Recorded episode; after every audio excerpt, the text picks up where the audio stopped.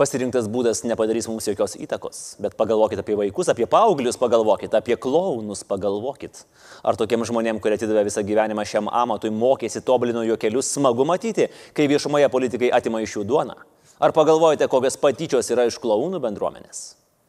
Ramūnai, tu negali būti vienas viskuo. Escuchando esta canción porque te diste cuenta que ser payaso no es tan divertido como creía. I can feel this anymore. Ok, o dabar toks dalykas. Jeigu jūs mūsų žiūrit ir dar neprenumeruojat Laisvės TV, tai padarykit dabar. Ir tada mes visada busim šalia. Su geru žodžiu ir geru pokšteliu. Arba galit neprenumeruoti. Mes vis tiek busim šalia. Naktį ateisim, va taip atrodantis, atsistosim už lango ir žiūrėsim į jūs. Tai kaip bus? Paspausit tą nelentą mygtuką? Ne rytoj, prašau, paspauskit dabar. Ir tada važiuojam.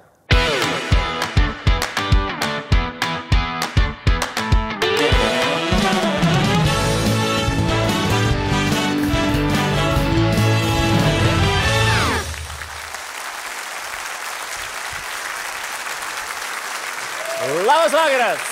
Labas vakaras! Lietuva, labas vakaras! Šį vakarą sakom Marijampoliai. Su jumis, kaip ir kiekvieną savaitę, laikykitės ten su Andriumi Tapinu. Na, o savaitė Lietuvoje buvo vaikeli tik paduok. Kaukės krito kaip lapai. Po metų darbo valstiečių valdžia pagaliau išlindo iš spintos ir prisipažino, kad jie yra tie, kuo mes juos kurį laiką jau laikėm, bet negalėjom įrodyti. Juk būtent spintoje slepiasi nuodėmės, dėl kurių labiausiai gėda. Skeletai, playboy žurnalai, į Seimą išrinkti valstiečiai ir kiti dalykai. Skeletai ir žurnalai gali ten ir likti iš tradicijos, nieko čia tokio ir vaikų net yra kaip paaiškinti. O va štai naujausias video, kaip valstiečių frakcijos vadovai reaguoja į naujausias savo populiarumo apklausas ir jų duomenis.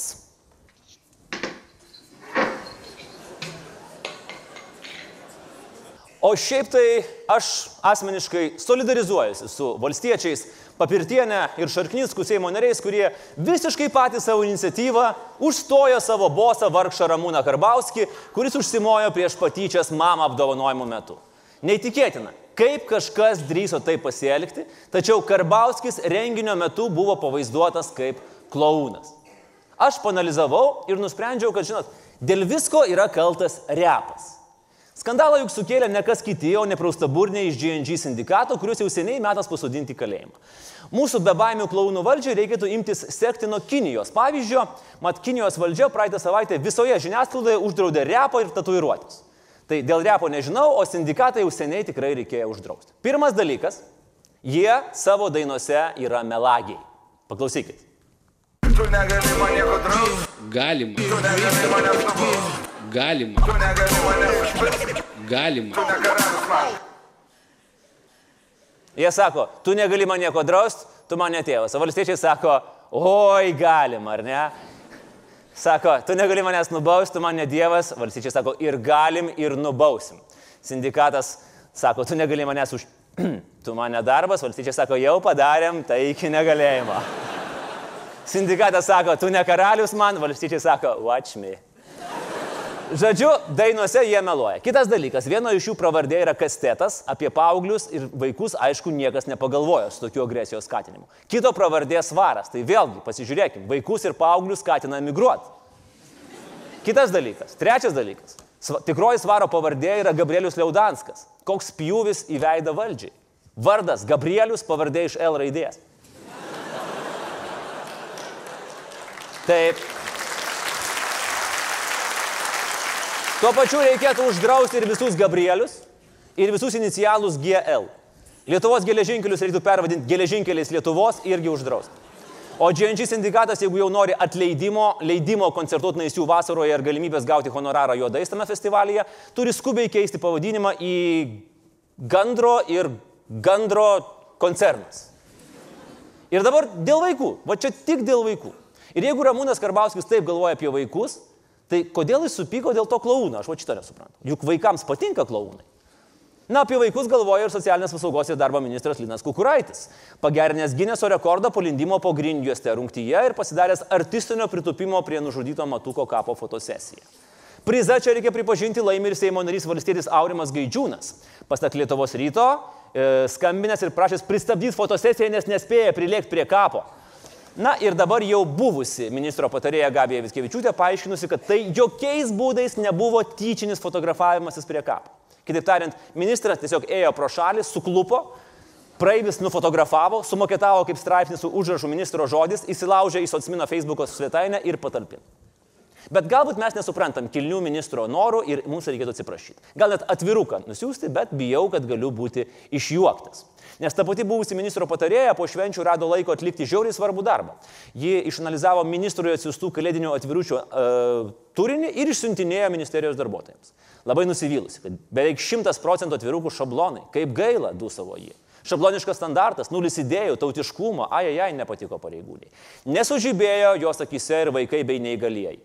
Atskira tema vaikų ir neįgaliųjų darbeliai, jų tiek daug ir jie tokie panašus, kad jau tikrai nebėra originalūs. Jo labai, kad ir profesionalų yra minimum. Na, stipru. Vaikų ir neįgaliųjų neprofesionalūs atvirukai yra tarsi spjūvis ministrui iš M didžiosios. Taip stipru, kad tai turėtų netgi drausti alkoholio kontrolės įstatymas. Aš kažkaip prisiminiau vaikišką posakį, kas ant kito sako, ant, ant savęs pasisako. Taigi, Ramūnai, Linai, Gabi ir kiti valstiečiai, žiūrėk, jūs ant savęs pasisakėt, nes jūsų tiek daug ir jūs tokie panašus, kad jau tikrai nebesat originalūs. Ir jo lab, kad profesionalų tikrai yra minimumas. Nors ne, su originalu dar ne viskas taip tragiška. Seimo nariai vis dar sugeba nustebinti ir sugalvoti kažką naujo. Štai pavyzdžiui, Seimo narys nuo valstiečių Audrys Šimas, va matot, nustebot, kad yra toks Seimo narys, kažką sužinojot jau laidoj. Tai labai gerai. Jis nusprendė neatsilikti nuo pasaulinių kebabų ir šeimininių pisų kepėjų tendencijų ir savo Facebook puslapyje suorganizavo klasikinį like and share konkursą. Tai yra, pamėkite Seimo narį, pasidalinkite nuorodą ir, na, realiai jokio skirtumo, abiem atvejais neskanu. Gal vis dėlto, žinot, politikams reikėtų nesijimti tokių atsakingų darbų Facebook'e, kad jie neapsigėdintų, o imti pavyzdį iš, pavyzdžiui, buvusio Šiaulių mero Genadijus Mikščio. Jis Facebook'e dalyjasi kukliai savo džiaugsmais. Pavyzdžiui, o, kaip miela, o. Praėjusią savaitę buvęs meras pasidžiaugė, kad žaidime Pet Rescue sagais pasiekė 127 lygį. Uh, tai sveikina merą. Metų pabaigoje meras džiaugiasi, kad pasiekė 119 lygį. Na, o pernai vasarais buvo dar tik 88 lygiai. Įsivaizduojat, kaip jisai kokį padarė progresą buvęs miesto meras. Nors šit, žinoma, Facebook'e tokie žaidimai kaip Pet Rescue saga yra kaip šūnių penktą koją. Na, o štai dabartinis Kauno meras, regis, įstrigo kito žaidimo Grand Theft Auto lygiuose. Nes realiam gyvenime partrenkė šalia perėjos ėjusi vyrą. Žinoma, linkime sveikatos, atsargumo, bet kauniečiams norime pasakyti. Kauniečiai, mes jūs įspėjom. Mes dar pernai jūs įspėjom, kad perėjose Matijo Šaitis medžios visus vyrus, nors kažkiek panašius į Kupčinską. Žiūrėkit ir prisiminkit.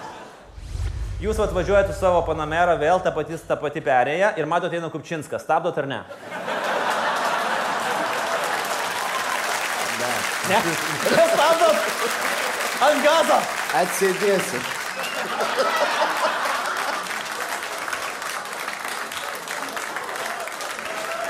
Vaikelį. Vanga esu. Prieš pusantrų metų jau mačiau, kad bus bėdų ten su perėjimu. O meras juokavo, atsėdėsiu, sakė, nu, gerai, tvarkojam. Gerai.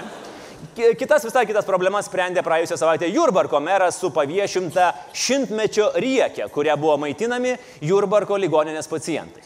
Ligoninė pareiškė, kad čia yra viskas šmeištas, kad uh, aš tą nuotrauką sufabrikavau, o maistą pas juos balansuoja profesionalūs dietologai. Tai vad jau matau Jurbarko dietologą, tokį parimusi kaip rodeno mąstytoją ir galvoju, derint daržovės ir žalumynus. Nu, ponai, banalu. Vištiena su vaisiais, nuvalkiota. Šiandien aš jums suderinsiu juodą duoną ir bulvių košę. Yra. Na, o Jurbarko meras pirmadienį pats atvyko patikrinti ligoninės maisto. Neplanuotai. Slaptai. Taip slaptai, kad visą savaitgalį ligoniniai buvo valoma, šveičiama ir ruošiamasi slaptajam mero vizitui. Tokiam, tokiam slaptam, kad apie jį iš anksto buvo pranešta savivaldybės puslapyje. Meras šimtmečio riekės negavo, užtat ragavo balandėlių ir sriubos, gyrė, sakė, kad labai skanu, tik truputį druskos trūksta. Tada ėjo per palatas ir klausinėjo ligonių, ar turi skundų. Ir nepatikėsit, niekas neturėjo skundų. Niekas.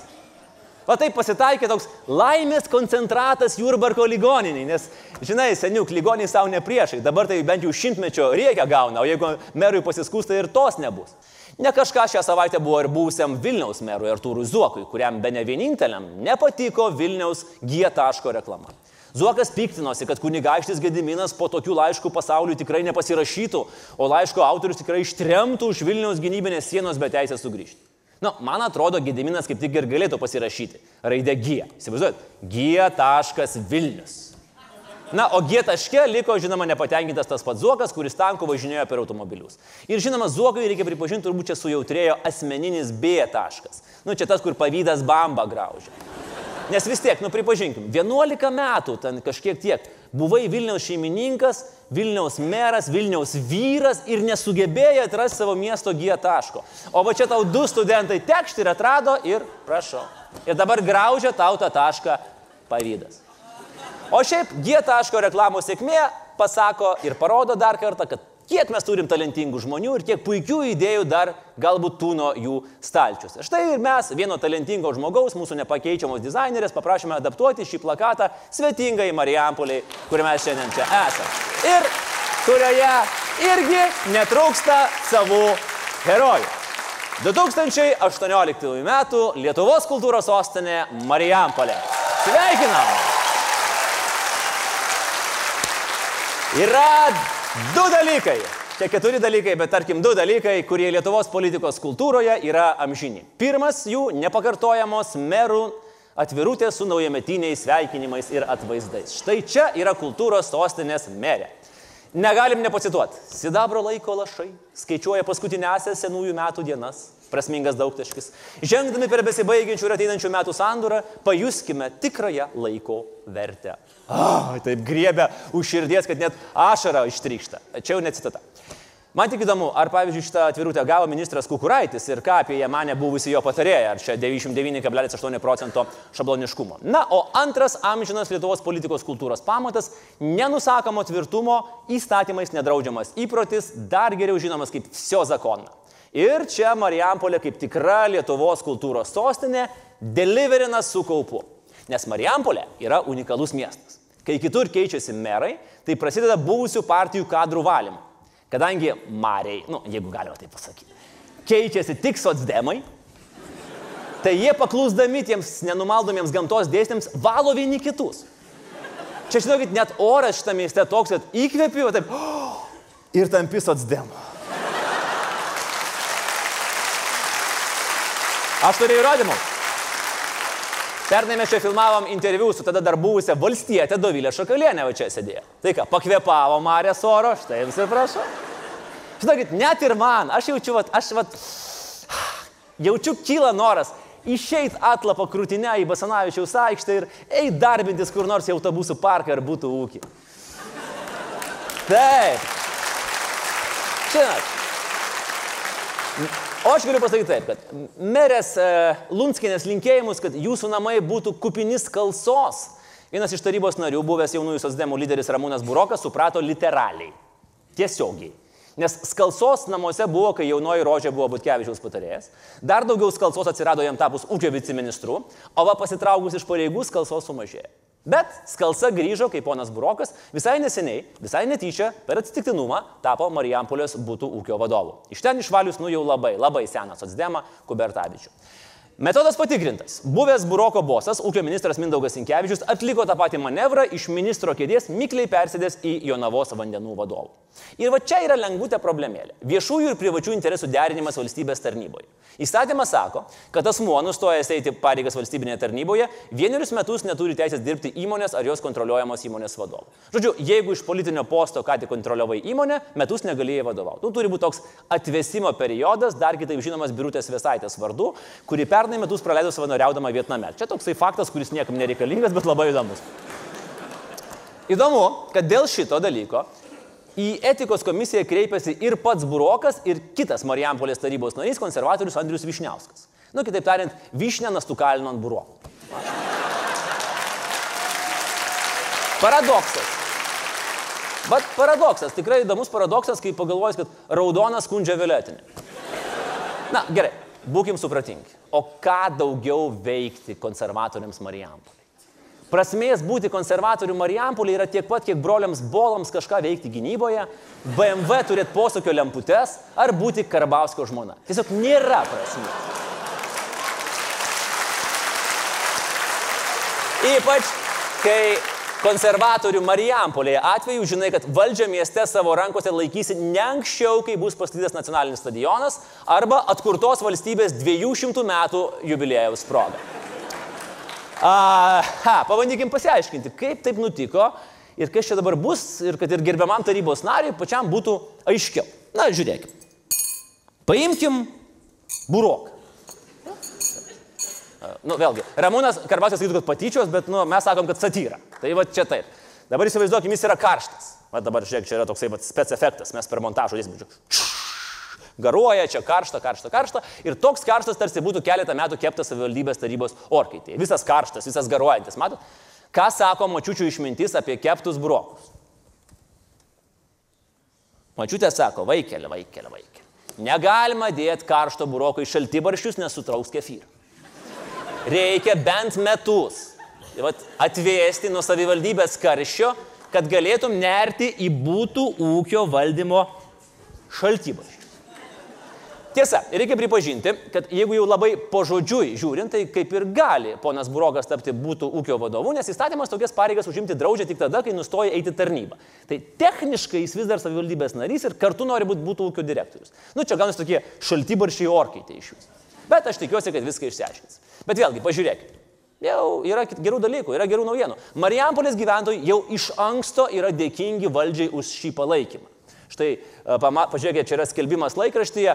Kauno gatvės 78 namo gyventojai yra tokie dėkingi, kad net susimetė pinigėlių ir užsakė skelbimą su raudonomis rožėmis, kuriame už naująjį vadovą dėkoja ir meriai, ir administracijos direktoriai. O Facebook'e Ramūnas Burokas, aišku, viską ten laikina. Pats Ramūnas yra pasakęs, cituoju, Jaunoji politikų karta pirmiausia gali ir turi pasiūlyti mūsų toną mūsų dar jaunai demokratijai.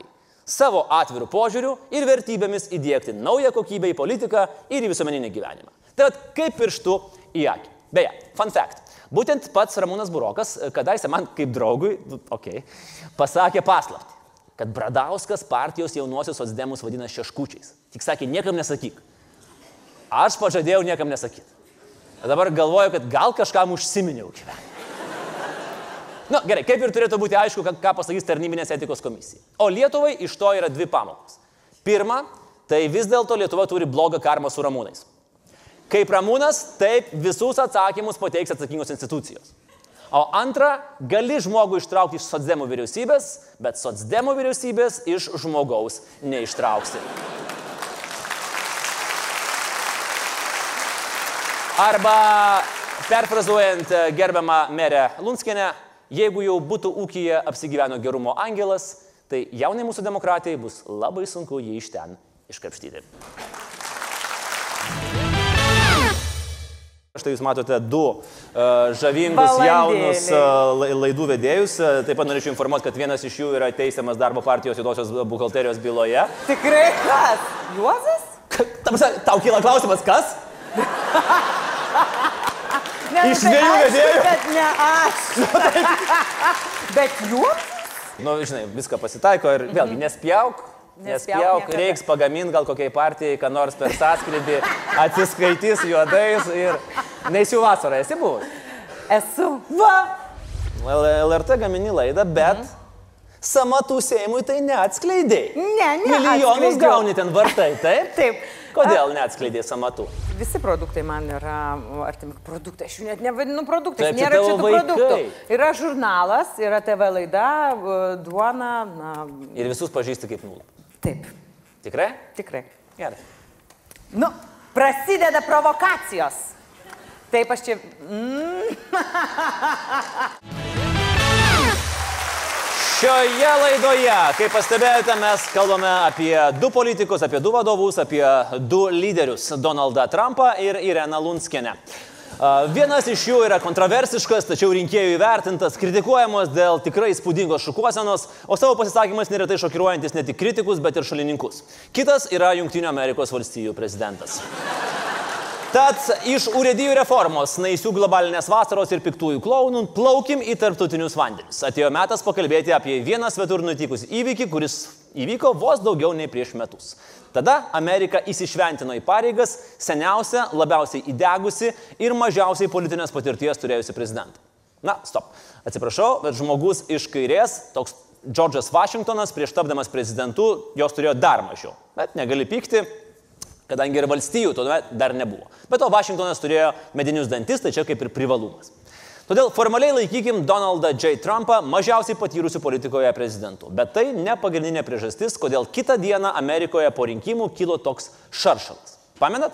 Visi tikėjosi, visi žinojo, kad laimės Hillary Clinton, išskyrus Trumpo rinkėjus. Ir po rinkimų priešingą stovyklą pasijuto kaip tas paauglys, kuris per kalėdas žiauriai norėjo iPhone X, visiems sakė, kad nori ir net matė, kaip mama su tėčiu ėjo į tą centrą ir ten kažką pirko. Ir paskui dėžutė po eglutė atsirado. Ir kalėdų rytą išviniojo, oba, o ten Huawei. Tai kaip ir gavo dovaną, bet tikrai netokį. Na, nu, taip ir Amerika. Išsirinko, bet ne tą. Žodžiu, pusė Amerikos įsižeidė. Ir skirtingai nuo klasikinių psichologijos stadijų, nu žinot, neigimas, pyktis, dėrėjimasis, depresija, susitaikymas, iškart šoka į pyktį ir tuo pačiu metu į depresiją. Ir vis dar yra neigime. Maždaug už Hillary balsavo daugiau, čia sistema kalta. Nu, čia yra tas pats, kas atvažiavus prie finišo sakyti, kad aš daugiau kilų per valandą išspaudžiau, bet žemėlapis kaltas. Kaip Benediktas Vanagas Dakarė. Ir lekia greičiau už kitus lietuvių ekipažus, ir kalba daugiau, bet vis tiek kažkaip atvažiuoja paskutinis. Beje, kitą savaitę mūsų laidoje svečiuosis rekordinę vietą Dakaro ralyje užėmęs lenktynininkas Antanas Juknevičius. Taigi bus įdomu. Grįžkime prie Trumpo. Kiti tiesiog pareikalavo ir beje gavo pagodos. Rimtai. Kornelio universitetas dalino vienkartinės nusinaitės ir karštą šokoladą dėl tokio politinio akibrokšto nusiminusiems studentams. Tarp kitko mintis. Reikėtų dalinti nusinaitės ir valstiečių ir žaliųjų frakcijos nariams. Dviguba nauda. Nustotų verkti dėl savo skriaudžiamo pirmininko ir tuo pačiu nusivalytų tos kvailus plaunų dažus nuo veidų. Žodžiu, demokratai verkė, respublikonai akį merkė, o 42 procentai amerikiečių knarkė, nes tiek net nepasivargino balsuoti. Trumpui įsikėlus į Baltuosius rūmus buvo, buvo žadami visokie prajovai. Nu, įsivaizduokit, ateina fašizmas į Ameriką, Trumpas parduos prezidentinį servizą, visi imigrantai norintys legaliai patekti į šalį turės plaukus dažyti oranžinę spalvą ir taip toliau ir taip toliau. Pasižiūrėkim, kiek po metų pasiteisino tokie būkštavimai. Ir pradėkim kaip dera žmonėm, kurie netgi nuvažiavę į Antarktidą pingvinų klausė, do you know Sabonis, maybe Marčiulionis, oh, well, Čiurlionis. Pradėkim nuo Lietuvos, nes mums tai labai labai svarbu. Pirmasis Donaldo J. Trumpo krekždės į Lietuvą atnešė mūsų nuosavos krekždės ir krekždutės. Štai pavyzdžiui, šis kukliai besišypsantis vaikinas, stovintis prie vieno įtakingiausių žmonių pasaulyje. Ne, ne Obama, o Žygis Paviljonis. E, dar 2016 metais, vykstant Respublikonų kandidatų į prezidentus rinkimams, atominis žygis paklausęs, ar Donaldas Trumpas taps dešiniųjų kandidatų į prezidentus, pareiškė štai ką. Mano asmeninė nuojauta ne. Aš manau, kad taip neįvyks. E, taip gali būti, e, nors tai tas sapnas, e, kuris buvo kaip košmaras, tampa vis didesnė realybė, bet aš dar vis tikiu, kad ne. O kaip viskas susiklosti? Žinome, košmaras tapo realybė, lygiai po metų vykstant Trumpo rankos padėjimo ant Biblijos, žygis vėl buvo pakviestas pakomentuoti to savo košmaro. Ar štai tas uh, kritiškas Lietuvos žiniasklaidos ir Lietuvos politikų, verti, diplomatų vertinimas Trumpo, ar jis negali pakengti Lietuvai? E, gali. E, matot, e, košmaru Trumpą iki šiol vadina visas neoliberalus pasaulis. Nes berots esate tą patį pasakė. Taip, aš jį įvardėjau, kad būtent taip jį supranta liberalai, kurie labai bijojo to ir, ir neigė visus jo pareiškimus kaip labai necivilizuotus, rasistinius, visokius kitokius. Tačiau vat, neigimas ir parodo, kad tokie žmonės gali laimėti. Ir aš buvau vienas iš pirmųjų, kuris sakė, kad jisai tai tikėtina, kad laimės. Gerai, varom. Tikrai, žygi.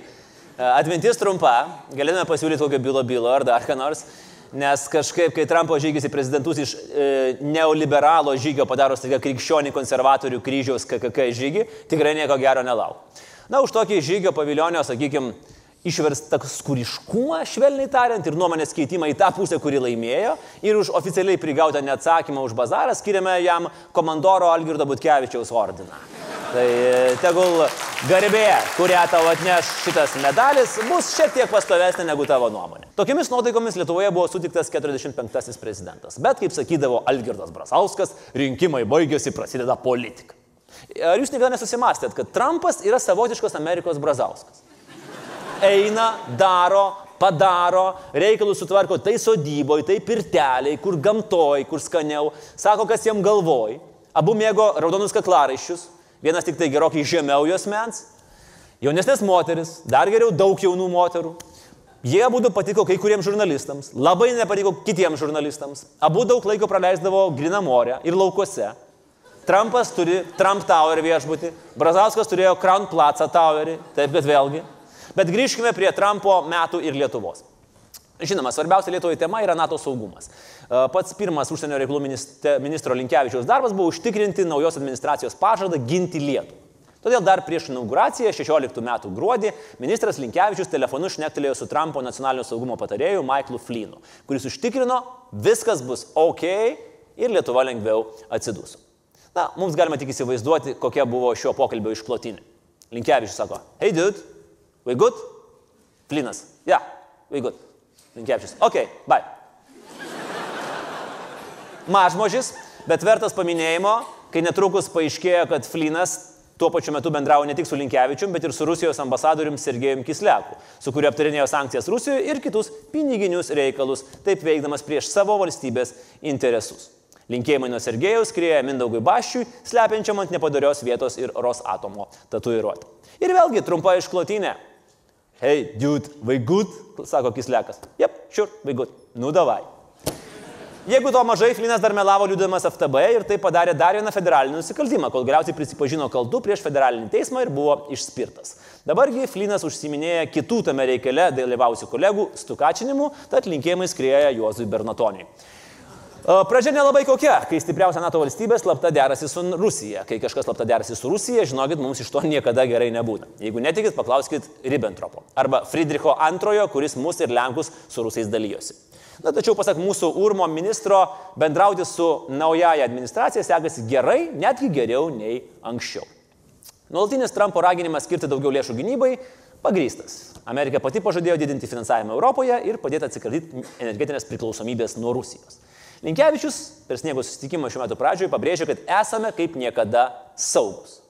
Lietuvai reikšminga buvo ir Trumpo imigracijos politika. Čia daug negalvodami rašome didelį balą, ne dėl to, kad konvertavęsis iš Trumpo palaikytojus žygis paviljonis jo imigracijos politiką palaikė pavyzdžių Europai ir tikrai ne dėl prižadėtų milžiniškų sienų su Meksika ar humanitarnės pagalbos pagrindo atvykusių šimtų tūkstančių žmonių planuojamas deportacijos, o dėl vadinamojo shithole skandalo. Kai Trumpas Haiti ir Afrikos šalis pavadino ar tai shithole, ar tai shithouse, niekas dabar tiksliai nebežino. Mumsgi didžiausias džiaugsmas, kad mes į tą sąrašą nepakliuvom, nepaisant kai kurių tualetų būklės palangoje, šventojoje ir mūsų kaimo sodybose. Bet žinoma, labai keista, kad į šitą sąrašą neįtraukė Danijos. Galbūt tiesiog Trumpas dar nematė šito video. Aš vat su vaikais šiandien sakau, vat ir, ir mergaitė žinau, kiek daug gandrų gyvena. Daugybė, taip. O žinot, kad Danijoje gyvena tik viena šeima gandrų. Du gandrai visoje Danijoje. Dėl to, kad Danija sušiko savo šalį. Taip, ten gandrai jau negyvena. Ir kai mums aiškina, kad reikia ant žemę pagrindinių seniečiam, kai dabar šį, atsiprašau už tą žodį, Latvijai, 30 procentų žemės atveju priklauso seniečiam. Tai nedaro. Va, kaip pirmininkas šaudo. Beje, e, jeigu dar nematėte, atkreipkite dėmesį, tai yra ištrauka iš mūsų ryta laidos e, informacinių tyrimų agentūros, kurios, e, kurioje mano kolegos padarė puikų darbą, surinko dešimtis archyvinių Ramūno Karbauskio pasisakymų, kuri, iš kurių paaiškėja, kad na, ne visai nuseklus tas mūsų pirmininkas yra. Jis ir už naminukas legalizavimą kalbėjo, ir kolūgis būtų galbūt mielai sugražinęs, ir kitus dalykus. Taigi kviečiu pasižiūrėti taip pat mūsų YouTube kanale. Na, o pas mus, žinoma, e, ačiū, turbūt reikia padėkoti, kad mūsų valstybė vis dėlto nepakliuvo ir nebuvo priskirta prie šitų shithouse ir shithole, o kogi daugiau mums reikia. Na, o Norvegiją Trumpas įvardijo kaip valstybę, iš kurios lauktų, Amerika lauktų imigrantų. Na, patys Norvegai, būdami sveiko proto savo šalį, kažin ar keistų į Ameriką, bet Bergino lietuvių bendruomenė tokių Trumpo pareiškimų sutiko labai palankiai. Taip kad išeina ne tik Lithuania welcomes Trump, bet ir Trump welcomes Lithuanian, jeigu jie prieš tai pagyveno Norvegijoje. Na ir šūkis tokiems imigrantams jau yra sugalvotas. Keisk fjordą į formą. Per 11 Trumpo mėnesių naujame darbe Amerikoje buvo sukurta 1,8 milijono naujų darbo vietų. Statistiškai galima spėti, kad net ir teta neringa, kurios niekas neranda, irgi gavo darbą. Aš nesu tikras, negarantuoju, bet žinot, statistika galingas dalykas. Skaičius be abejo įspūdingas ir tai yra geriausias pirmųjų naujojo prezidento metų pasiekimas nuo tada, kai šitas rodiklis imtas skaičiuoti dar Karterio laikais.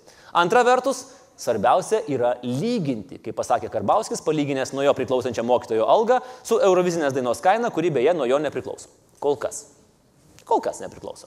Per paskutinius Obamos 11 mėnesių Amerikoje verslas prieaugino 2 milijonus naujų darbo vietų. Tai tie 1,8 galbūt ir nėra jau toks stebuklas. Bet yra kitų rodiklių. Pavyzdžiui, akcijų biržų indeksai. Trumpo valdymo metu Dow Jonesas išaugo 28 procentais, o SP 500 23 procentais. Ir tai buvo aplenktas netgi vadinamasis e, ekonominis klėstėjimas Bilo Clintono antrosios kadencijos pirmieji metai. Beje, apie indeksus. Prieš rinkimus mūsų ekonomikos gurų ir po penkių minučių vilties prezidentas ir be penkių minučių tikras prezidentas Gitanas Nausėda palaikė nuomonę, kad Trumpui tapus prezidentu indeksai kris 3-5 procentais, o šalį ištiks recesija. Na, oh well. Visiems pasitaiko. Na, bet to, jeigu Gitanas bus prezidentas, tai jis jau nebešaudys pro šalį su savo spėjimais, o... Oh well. Geresnį rezultatą kol kas yra parodė tik Kalvinas Kulidžas 25 metais ir du kartus Franklinas Rooseveltas pirmosios ir trečiosios kadencijos pradžioje. Na, bet šitą atmeskim, kadangi to neprisimena net Algymantas Čekuolis, o tai reiškia, kad jau neprisimena niekas. Žinoma, dėl ekonomikos augimo visus laurus kabinti Trumpui būtų nesąmonė. Lygiai taip pat būtų nesąmonė jam suversti ir visus kėglius, jeigu jį būtų kritusi. Nors, žinoma, norinčių tai padaryti būtų. Gaila, bet ekonomika šiek tiek sudėtingesnis dalykas už rusiškų trašų pardavimą. Nu, ten, žinai, biški primaišiai kalio, fosforo, ten dar kokio Mendelėvo elemento ir žiūrėk, pelnas auga. Ekonomika mėgsta laiką, užtikrintumą ir kuo mažiau biurokratijos. Gera ekonomika yra kaip hektarai.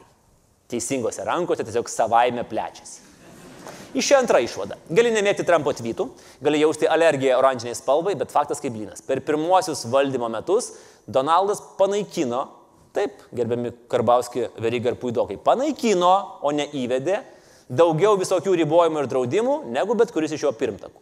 Bušas 181, Obama 156, Trumpas 469. Grįžkim prie pinigų. Už juos duodam visą aštuonetą, tegul ir ne vien tik tai Donaldo uždirbta. Kol kas viskas šokolade, kursai sproksta, algos kyla, būtai branksta, ne tik buterbrodai žmogus gyvas. Juk šaliai reikia kažko dvasingesnio. Tautiniai drabužėliai jiems nepasiūlysi, per daug tautų, šalyje reikia pramogų. Ir va čia yra Trumpo stiprybė. Ko verti vien jo Twitterio karai ir jos lydintis skandalai. Kaip pats Donaldas J. yra prisipažinęs, be Twitterio jis nebūtų laimėjęs rinkimų. Kaip turėtų pripažinti Twitteris, be Donaldo jis tikriausiai būtų užsidaręs. Per 11 prezidentavimo mėnesių Trumpas į gamtą paleido pustrečio tūkstančio tweetų. Tai yra vidutiniškai po septynis čirvirvir pavasaris per dieną. Na, toks prerijų vieversėlis. Ir jeigu įsivaizduojam, kad parašyti vieną tweetą užtrunka apie minutę, o iš nuolatinių jo gramatikos klaidų atrodo, kad tikrai užtrunka minutę, tai vis tiek prezidentas praleido daugiau kaip 42 valandas vien tik tweetindamas. Tai yra maždaug tiek, kiek Ramūnas Karbauskis praleido valandų žiūrėdamas į Kilaičių ir Siaurusevičius atostogų nuotraukas LRT bomba eta gmail.com mailė. Be to, Pietų Koreja netgi paskyrė vieną diplomatą, kuris nieko daugiau nedaro, tik stebi Trumpo tweetus, kad jokiais būdais nepraleistų naujo karo su Šiaurės Koreja, nes būtų žiauriai blogai. Pirmas Twitterio skandalas prasidėjo jau inauguracijos dieną. Twitteryje paplitus nuotraukoms, kuriuose akivaizdžiai matosi, kad nu, jo inauguracija sulaukė gerokai mažiau žiūrovų negu Obamos. O pats Trumpas sakė, kad tai didžiausia žmonių minė istorijoje stebėjusi inauguracija. Taškas. Ir žiūrint šitas dvi nuotraukas, atrodo, kad tų taškų gerokai trūksta. Trumpas Twitter'e praleidžia tiek daug laiko, kad net sugebėjo įsivelti į konfliktą su vienu žymiausių prieniškių pasaulyje - krepšinio Donaldu Trumpu Lavaro Bolu. Beje, pernai metų pabaigoje mes prognozavom, kad Lavaras Bolas turi planą, kad jis čia tuoj taps asistentų, po to trenerių, po to merų, Nu, po to bus Lavaras Bolas 2019. Ir pasižiūrėkit, jis jau ir treneris. Dar du žingsniai ir turėsim pirmą juododį prezidentą. Uh, bet nebūtų gerai, nebūtų gerai, nes Trumpas jį išvadino nedėkingų kvailių, kai šis nepadėkojo Trumpui už pagalbą ištraukiant Liangelo iš sulaikymo Kinijoje. Lavaras, žinoma, turėjo ką atkirsti prezidentui tiesioginėme CNN eteryje. Hey, you have a great Thanksgiving. Hey, and I got a message for you. What is it? Tell Donald Trump to have a great Thanksgiving because Big Baller is. I hope you're thankful for him. Take care.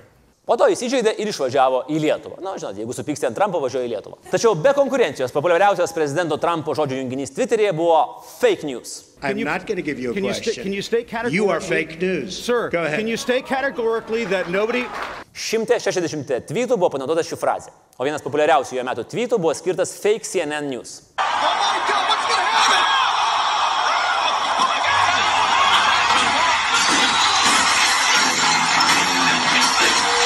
Taip, čia buvo tikras Amerikos prezidento postas. Na, čia yra tas pats, kas Ramūnas Karbauskis įsidėtų video, kai sėdėdamas už kombaino vairo kulėje kilaitį ir LRT to pačiu metu. Fake news tapo tokia svarbia prezidento dienotvarkės dalimi, kad prieš porą savaičių net buvo surinkti oficialūs 17 metų Respublikonų partijos fake news apdovanojimai. Nieko stebėtino, CNN triumfavo keturiose kategorijose. Už pasaulio linksminimą ir bauginimą, atominių ginklų dydžio matavimas su Šiaurės Koreja, nuotykių su porno žvaigždėmis, nesibaigiančius skandalus Trumpui rašome stiprius devynis. Kodėl devynis? Nes kai atvažiuosi prienus sužaisti su prezidentu Lavaru, va tada bus dešimt. Rinkimų metu Trumpas labai aršiai kritikavo Obamą, kad jis per dažnai atostogauja ir žaidžia golfą. Obama plays more golf than professional players on the PGA Tour. Played a lot of golf. He's played more than most PGA touring professionals play. More than a guy who plays on the PGA Tour plays. PGA Tour plays more golf. Plays more golf. PGA Tour. PGA Tour. I mean, this guy. Golf, golf, golf, golf. More, more. Tie patys Amerikos žurnalistai paskaičiavo, kad išrinkus Trumpą Twitteris buvo tik trečias jo populiariausias užsiemimas. Po dietinės kolos gerimo, kuris jis išgeria po 12 skardinių per dieną, ir golfo, kurį prezidentas žaidė 95 kartus per metus, praktiškai kas trečią dieną. Tai po tokio intensyvaus tvitinimo ir golfinimo akivaizdu, kad tiesioginiam valstybės valdymo darbui laiko rasti darėsi vis sunkiau. Todėl didelė dalis rinkiminių pažadų taip ir liko pažadais. Svarbiausias rinkimų pažadas - siena su Meksika, už kurią sumokės pati Meksika. Po pokalbio su Trumpu Meksikos prezidentas maloniai atsakė, kad, nu, ne. Kas galėjo pagalvot? Nu, nutiko. Antras pažadas - atšaukti Obamos įvestą sveikatos apsaugos sistemą, kuri neapdraustų amerikiečių skaičių sumažino nuo 20 iki 8 procentų. Po daugybės bandymų Obamacare vis dar nepakeista, nepritariant Senatui. Nors Trumpas gyrėsi, kad būdamas garsus gali grevem bavę pusį, bet, žinot, tvirtai suimti už PSD yra netaip jau paprasta. Trečias labiausiai mėgtas pažadas - pasodinti Hillary Clinton į kalėjimą. Kol kas Hillary vis dar laisva ir garsiai skaito garsėją knygą apie Trumpą. He had a long-time fear of being poisoned. One reason why he liked to eat at McDonald's. Nobody knew he was coming, and the food was safely pre-made. That's it. We've got it. That's the one. You think so? Oh, yeah. The Grammy's in the bag? In the back. Arčiau kalėjimo Amerikoje šiuo metu yra ne Hillary, o Trumpo patarėjai sūnus ir žentas, kurių bendradarbiavimo bylą nagrinėja specialusis prokuroras Robertas Muelleris. Ketvirta. Mokesčių mažinimas. Nuo naujųjų įsigalioja mokesčių pakeitimai jau duoda rezultatus. Didelės Amerikos kompanijos drąsiai investuoja ir išmoka premijas darbuotojams būtent dėl naujų mokesčių. Šitas pažadas įgyvendintas ir mums belieka pavydėti. Penkta. Draudimas musulmonams atvykti į JAV, na, ne visai. Nors Trumpas be perstojo kartoja, kad America first, Bet visus bandymus uždrausti atvykti sustabdė aukščiausiasis teismas. Diskriminacija religijos pagrindų prieštarauja Amerikos konstitucijai. Na, o dabar reikim ten, apie ką jau šiek tiek kalbėjom, bet tenka grįžti plačiau. Trumpas ir užsienio politika. Dauguma NATO narių nors ir raukydamosios, bet didina finansavimą gynybai. Na, sako, žinokit, tokia paslaptis yra, kad kai kurios NATO valstybės yra taip gerai gyvenančios, kad jų kareiviai net su auksiniais šaukštais valgo, bet čia niekam nesakykite. Dabar apie kitus karštus taškus. Visų pirma, Šiaurės Koreja, kuri baigė susikurti tai, ką Vytaras Radzevičius kažkur Irane sutiktiems Lenkų turistams vadino petardą nuklerovą. Ir čia ne šiaip savo petardą, bet tarp kontinentinė, balistinė ir galinti pataikyti į bet kurį Amerikos miestą. Nors realiai niekas nežino, kokią atstumą pajėgios įveikti Kimo raketos, bet spėlioti nesinori. Ir va, galinėdamasi su tokiu akivaizdžiu ir egzistuojančiu pavojumi, Donaldas panaudoja kelias taktikas. Visų pirma, patikrinta Tomo Sojerio gazdinimą vyresnių brolių. Pamenat, apsikeitimo komplimentais kieme su nepažįstamu berniuku. Ateis mano brolis ir įkrės tau į kailį. Baigtų, mano brolis daug didesnis už tavo brolis, tavo brolis tvarkys kaip čiutski. Tik skirtumas, kad Trumpas ir Kimas vaidėsi ne broliais, o brandoliniais mygtukais. Atseit Kimas sako, aš turiu tokį ant savo stalo ir jis visą laiką užtaisytas. Į ką Trumpas rašo, aš turiu irgi ir mano dar didesnis ir galingesnis. Nu, žodžiu, faktiškai tą patį galite perskaityti Oksanos Pikulsius ir šinėjame su buvusia Simo Jasaičio žmona Vaida.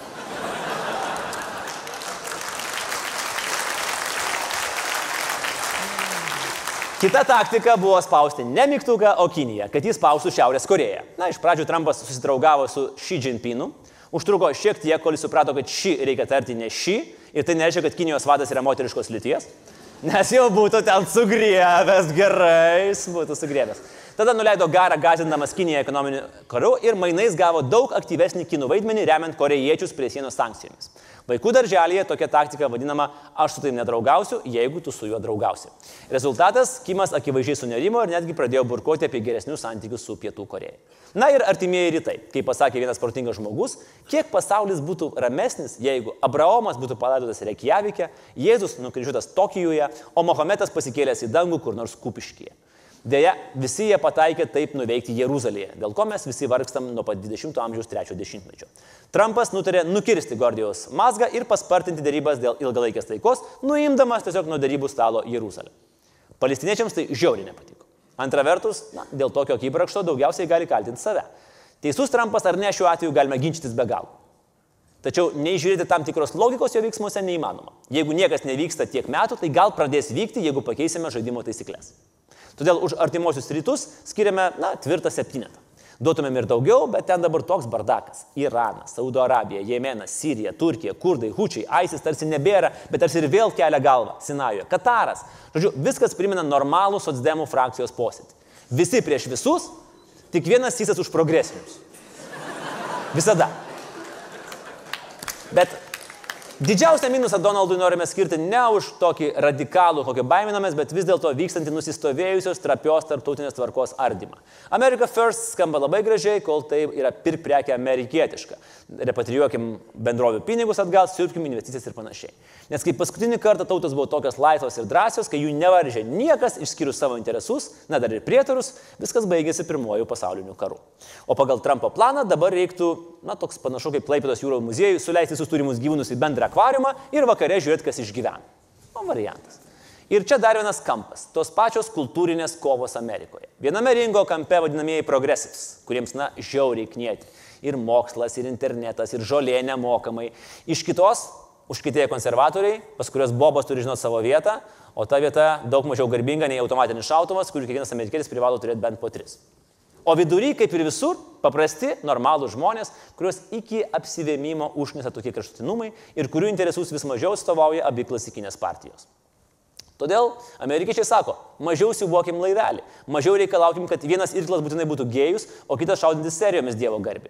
Ir būtent šitas kampas daugiausiai kelia nerimo dėl kitų trijų Trumpo metų. Iš vienos pusės, 70-mečiams vis sunkiau mokytis. Na, nepadarysi Amerikos prezidentui trečiojo amžiaus universitetų. O dar žinant pono Donaldo nemailę knygai. Ir ne tik knygai Fire and Fury, bet knygai apskritai, tokiam daiktui, kuris turi popierių ir kurį galima vartyti. Iš kitos pusės jį popina ir tramdo trys išminčiai su antpečiais - McMasteris, Metisas ir Kelly. Gal ir sutramdys, gal ir viskas bus gerai.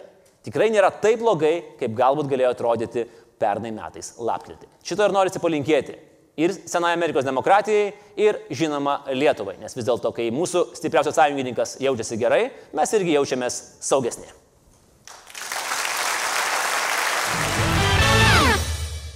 Puikiai sudalyvavot. Tikrai? Ne. ok. This is not going well. Aš tiesiog aš norėjau atsidėkoti LNK už tai, kad e, jau antrą sezoną metant mūsų tokias šūdinas laidas, kad mes galime laimėti reitinguose. Tai aš tiesiog norėjau jums atsidėkoti. Labai labai ir dar kartą labai labai ačiū LNK. Kai tau yra 22-3 metai ir tu vadovauji pulkui plikapapių moterų, tai yra... E. O ką mama sakė? E, aš pradėjau kalbėtis, nu, levas Džekomo, kaip tau sekasi. Ir, ir jisai, ir jisai atsisuka mane, aš taip nekalbu, sako. tai buvo, aš buvau dar toksai nelabai tikras, ar man reikia šuns, bet dabar aš turiu šunį ir jo, pasirodo, nereikėjo.